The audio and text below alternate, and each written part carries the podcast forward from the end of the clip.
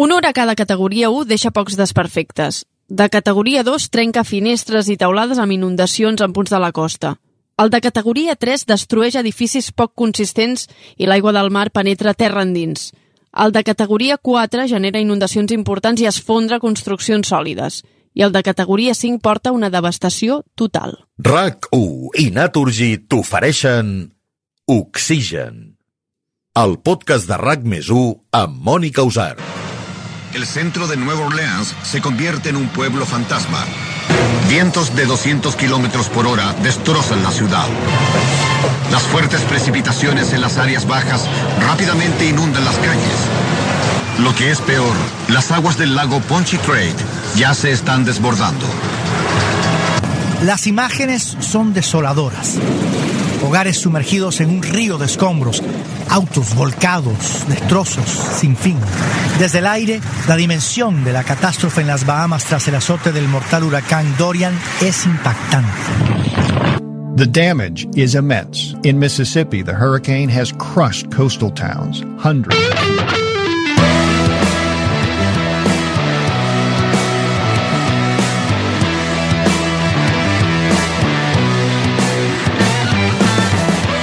Huracans formen part dels fenòmens meteorològics més destructius del món. Són centres de baixes pressions, depressions molt profundes, amb un ull al centre i núvols compactes en forma d'espiral al voltant. Un cop formats s'alimenten de l'escalfor i la humitat que els dona l'aigua de l'oceà i normalment es debiliten quan toquen terra. Porten vents forts, pluges torrencials, temporal marítim i a vegades destrucció total. En parlarem amb un meteoròleg que n'ha pronosticat, una noia que n'ha travessat amb un avió científic i repassarem els huracans que han passat a la història. Comencem.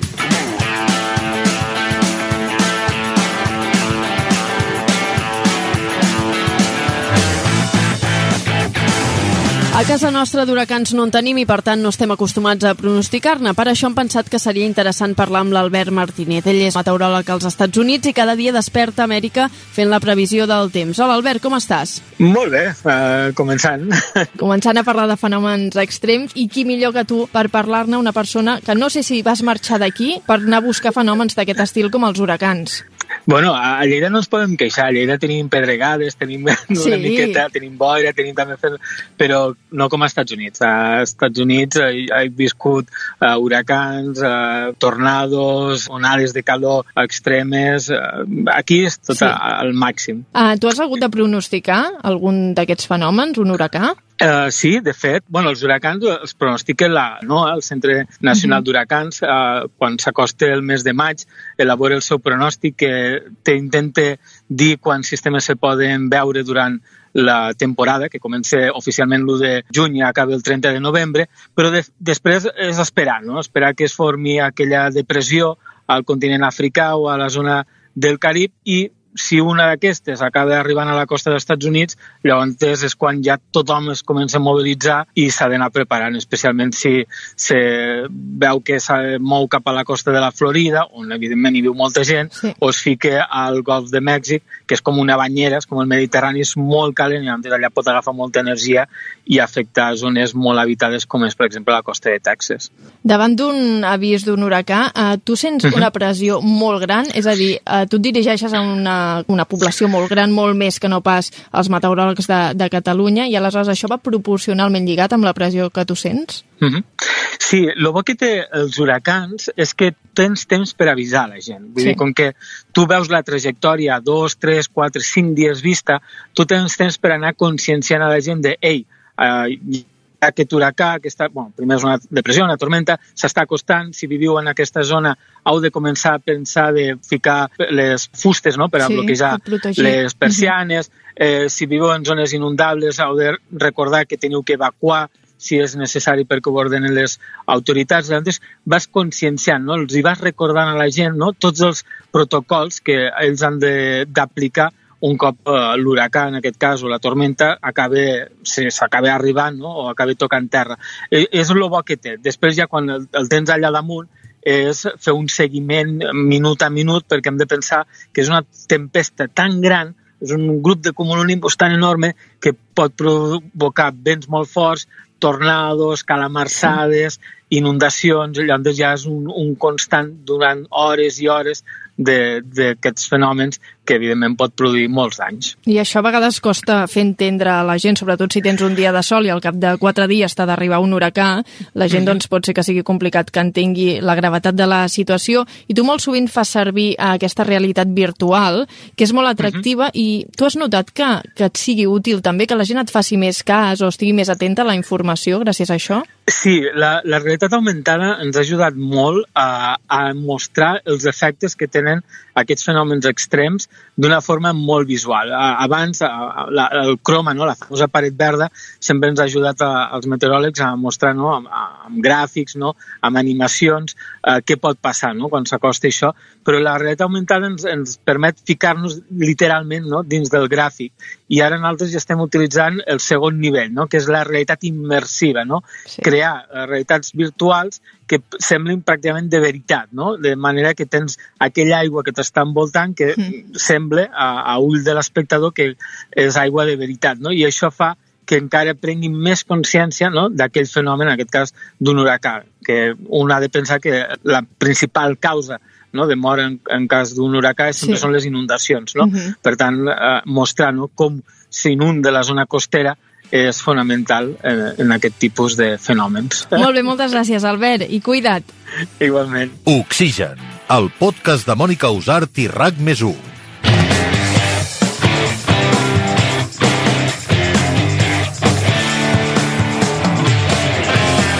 Els huracans es formen a la zona del Carib i l'est de l'oceà Pacífic. El mateix fenomen es coneix com a tifó al voltant del Japó, l'est de la Xina i Taiwan, i cicló tropical és el nom que rep a l'oceà Índic i al sud del Pacífic. I, de fet, totes les denominacions es poden englobar dins de la categoria de cicló tropical. Així doncs, si sentiu que s'acosta un tifó, un huracà o un cicló tropical, estarem parlant del mateix fenomen. I cada cop que se'n forma un, se li posa un nom propi. D'aquesta manera, els usuaris i els meteoròlegs els és més fàcil identificar-lo. Quan es van començar a batejar, els als huracans se'ls posava el nom del sant del dia. Si un huracà afectava una zona el 25 de juliol, es deia l'huracà de Sant Jaume. A finals del segle XIX, un meteoròleg australià va decidir posar als huracans nom de dona o de polítics amb qui no estava d'acord. El 1953 el Centre Nacional d'Huracans va començar a gestionar el tema dels noms, però els continuava posant només noms femenins, una pràctica sexista tenint en compte que són fenòmens destructius. El 1979 s'hi van introduir també noms masculins. Actualment això ho gestiona l'Organització Meteorològica Mundial i hi ha sis llistes ordenades alfabèticament on s'alternen noms d'home i de dona i es van repetint cada sis anys. Un any comença amb nom masculí i el següent femení. Si un huracà és molt destructiu, aquell nom es retira i se substitueix per un altre. Per sort, avui en dia el pronòstic és força acurat i en dies d'antelació es pot saber més o menys la trajectòria d'un huracà. Això és essencial per salvar vides i, per una altra banda, també permet a periodistes, per exemple, ser al lloc concret al moment de la notícia. I just és el que ens explica el Nicolás Hernández, periodista d'Univision, que va anar a cobrir l'arribada de l'huracà Maria a Puerto Rico. Efectivamente, cubrir Huracán María en Puerto Rico para Univisión Noticias. Para ubicarnos, nosotros estuvimos en Yabucoa, que era el lugar por donde iba a entrar el ojo del huracán. Y estuvimos específicamente en el hospital municipal junto a todo el equipo de emergencia y hasta el alcalde. Escogimos este lugar porque supuestamente iba a ser el más seguro tras el embate y porque todos estábamos seguros que María iba a ser igual a Harvey, inundaciones y fuertes lluvias. Sin embargo, todos nosotros estuvimos muy equivocados. A eso de las cinco y media de la madrugada veo corriendo a todo el personal de emergencia, entonces entendí que el ojo ya había entrado. Agarré todos los equipos que teníamos junto a la periodista Patricia Vélez, entramos al cuarto y para sorpresa de nosotros dos vimos a todo el equipo de emergencias llorando y agarrado de las manos. Les preguntamos qué fue lo que, lo que habían visto o qué, qué estaba ocurriendo. Nos dijeron que María no era lo que habían planeado, que era peor y que el techo del hospital en cualquier momento iba a salir volando. En ese momento nosotros entendimos que nuestro rol como periodistas no podía seguir siendo enviar información a nuestras plataformas digitales. Nuestro rol como periodistas debíamos sumarle un periodismo de servicio. Como toda la isla quedó incomunicada,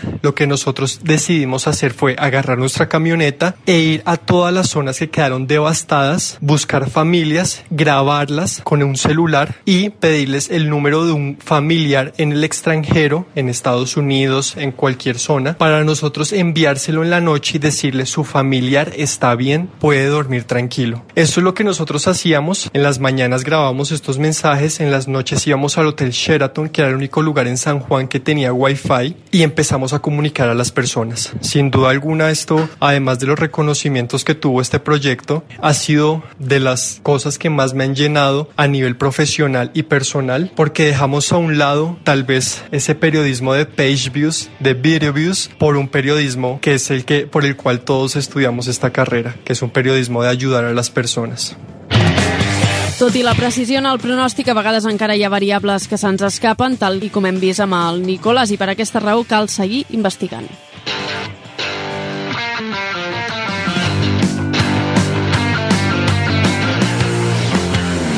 Quan parlem d'huracans, normalment ens referim a les afectacions que poden tenir quan som a terra, pluja, vent, pujada del nivell del mar, però què passaria si intentéssim sobrevolar-ne un?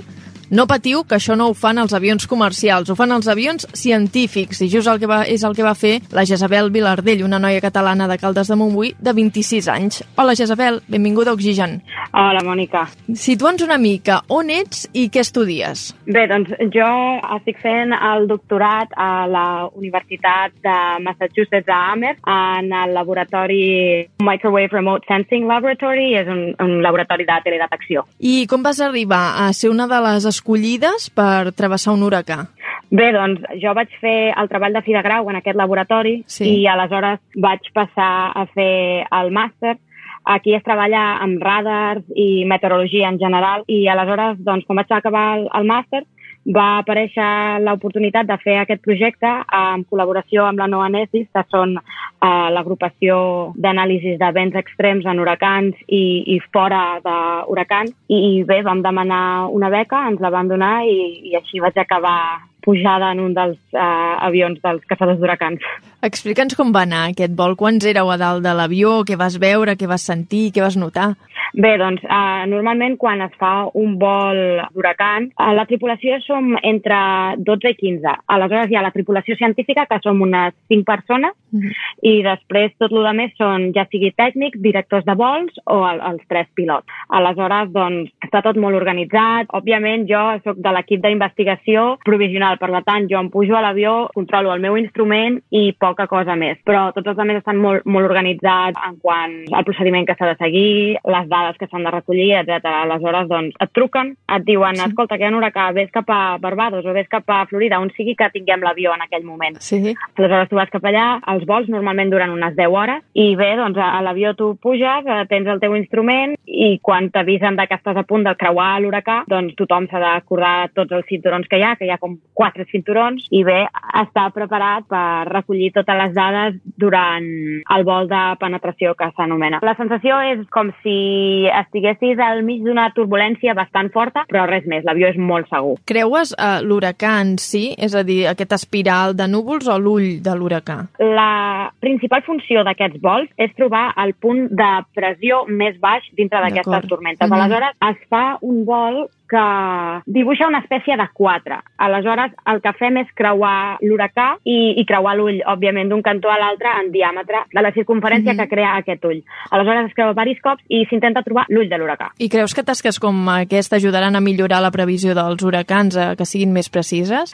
Sí, aquesta és la principal funció de- d'aquests vols, és poder arribar a preveure millor la direcció dels huracans que estan a l'oceà, que s'acosten cap a terra, i poder avisar amb més temps a tota la gent perquè puguin evacuar, eh, preparar-se, etc. Aleshores, doncs, òbviament, els algoritmes, instruments i tot el que s'utilitza per recollir informació van millorant i, de fet, aquesta és la funció principal del meu doctorat, millorar aquest instrument que fem servir, que és un radiòmetre, que és el que analitza, és el que mesura el vent de l'huracà, que realment és el que categoritza mm. aquest fenomen meteorològic. Sí, i a banda de creuar-ne un, també n'has viscut des de terra? No, per sort no, i espero no viure en cap. Sabent, sabent el que és, esperes no viure en cap. Sí, exacte. Espero només viure'ls des de l'aire. I quin és el teu objectiu de futur? Treballar a algun lloc com la NOAA o el Centre Nacional d'Huracans? Jo estic molt interessada en tot el que és enginyeria, en la meteorologia, l'objectiu de futur, treballar a la NOAA, treballar a la NASA. Mm. Eh, encara estic al principi del doctorat, així que les coses poden canviar molt, però sí, m'agradaria seguir en aquest camí. Molt bé, doncs esperem que tinguis molta sort i moltes gràcies, Jezabel. També amb una abraçada. Que vagi bé. A tu, adeu. Oxigen, el podcast de Mònica Usart i RAC més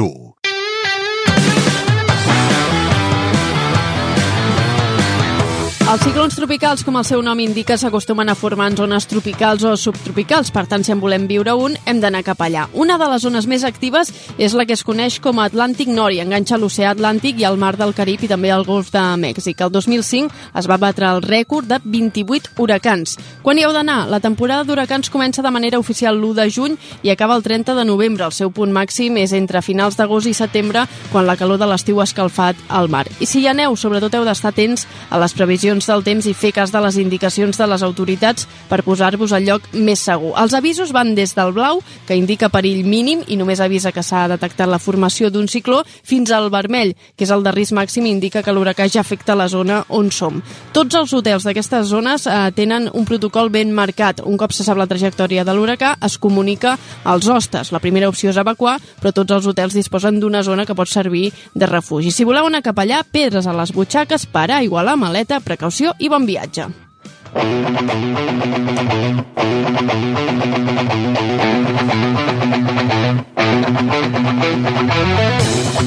I ara amb el Martí Oliveres, meteoròleg de la casa, fem un repàs dels huracans que han passat a la història. Bringing with her all kinds of problems. Buildings have collapsed. There are reports from New Orleans of uh, people trapped in Doncs mira, hem de començar parlant de l'any 2005 perquè hi va haver el Katrina que va afectar doncs, els Estats Units, en aquest cas la zona de Nova Orleans, el dia 28 d'agost, encara com a huracà de categoria 3, però realment quan estava damunt del mar tenia categoria 5. Això són vents de més de 200 km per hora, per tant, realment excepcional va provocar gairebé 2.000 morts i una gran destrucció que es va quantificar en 92.000 milions d'euros. El segon que passa a la història és aquest. Even close. Uh, we're talking about a storm that is uh, of the likes that we've never seen here in the East Coast. El Sandy, l'any 2012, set anys més tard, un huracà de categoria 3, per tant això són vents de 170 a 200 km per hora, que va afectar sobretot a la zona de Jamaica, Cuba i Haití, però també va tenir la novetat que va, que va entrant a la part dels Estats Units, a la part est, i va deixar Manhattan, a Nova York, sota l'aigua. Això va tenir afectacions en 650.000 habitatges destrossats en aquesta zona del nord-est dels Estats Units i també 200 morts entre els Estats Units, Cuba i el Canadà. Això al Sandy l'any 2012. I el tercer que recordarem és aquest. El Centro Nacional de Huracanes prognostica otros 25 a 30 centímetros de lluvia en la costa de Texas. Va ser el 2017, l'huracà Harvey va ser de categoria 4, per tant vents al voltant dels 200-250 km per hora. Va afectar sobretot la zona dels Estats Units, la part sud, entre Texas, Louisiana, la part de Corpus Christi, Galveston. Va ser a finals d'agost de l'any 2017, per tant va tocar terra a la part eh, sud dels Estats Units en afectacions sobretot en aquestes zona al voltant de Houston, la quarta ciutat més gran dels Estats Units. La curiositat d'aquest huracà va ser que en quatre dies va caure, atenció, el que acostuma a caure en un any. Això realment doncs, va provocar inundacions importants, uns 80 morts i danys quantificats en més de 100.000 milions d'euros. I aquell any en van viure un altre d'històric. Y por supuesto nuestro corazón está apretado por el otro desastre natural que es el huracán María. En aquest cas, poques setmanes després, al setembre, un huracà de categoria 5, per tant és l'escala màxima d'huracans, per tant de cops de vent de 250 o més quilòmetres per hora, va afectar sobretot la regió de Puerto Rico i després Estats Units amb més de 3.000 morts i també danys quantificats en uns 80.000 milions d'euros. Per tant, una barbaritat, un mal any en aquest cas a la zona del Carib pels dos huracans Harvey i després Maria. I l'últim? The U.S. Eastern Seaboard is now feeling the wrath of Hurricane Florence. I l'últim és el Florence, en aquest cas l'any 2018, de categoria 4, es va produir al setembre de l'any 2018, amb menys morts que la resta, que els que hem repassat ara uh, breument, però sí que va tenir moltes afectacions i va ser, va ser notícia per l'impacte emocional i econòmic que va tenir als estats del sud dels Estats Units.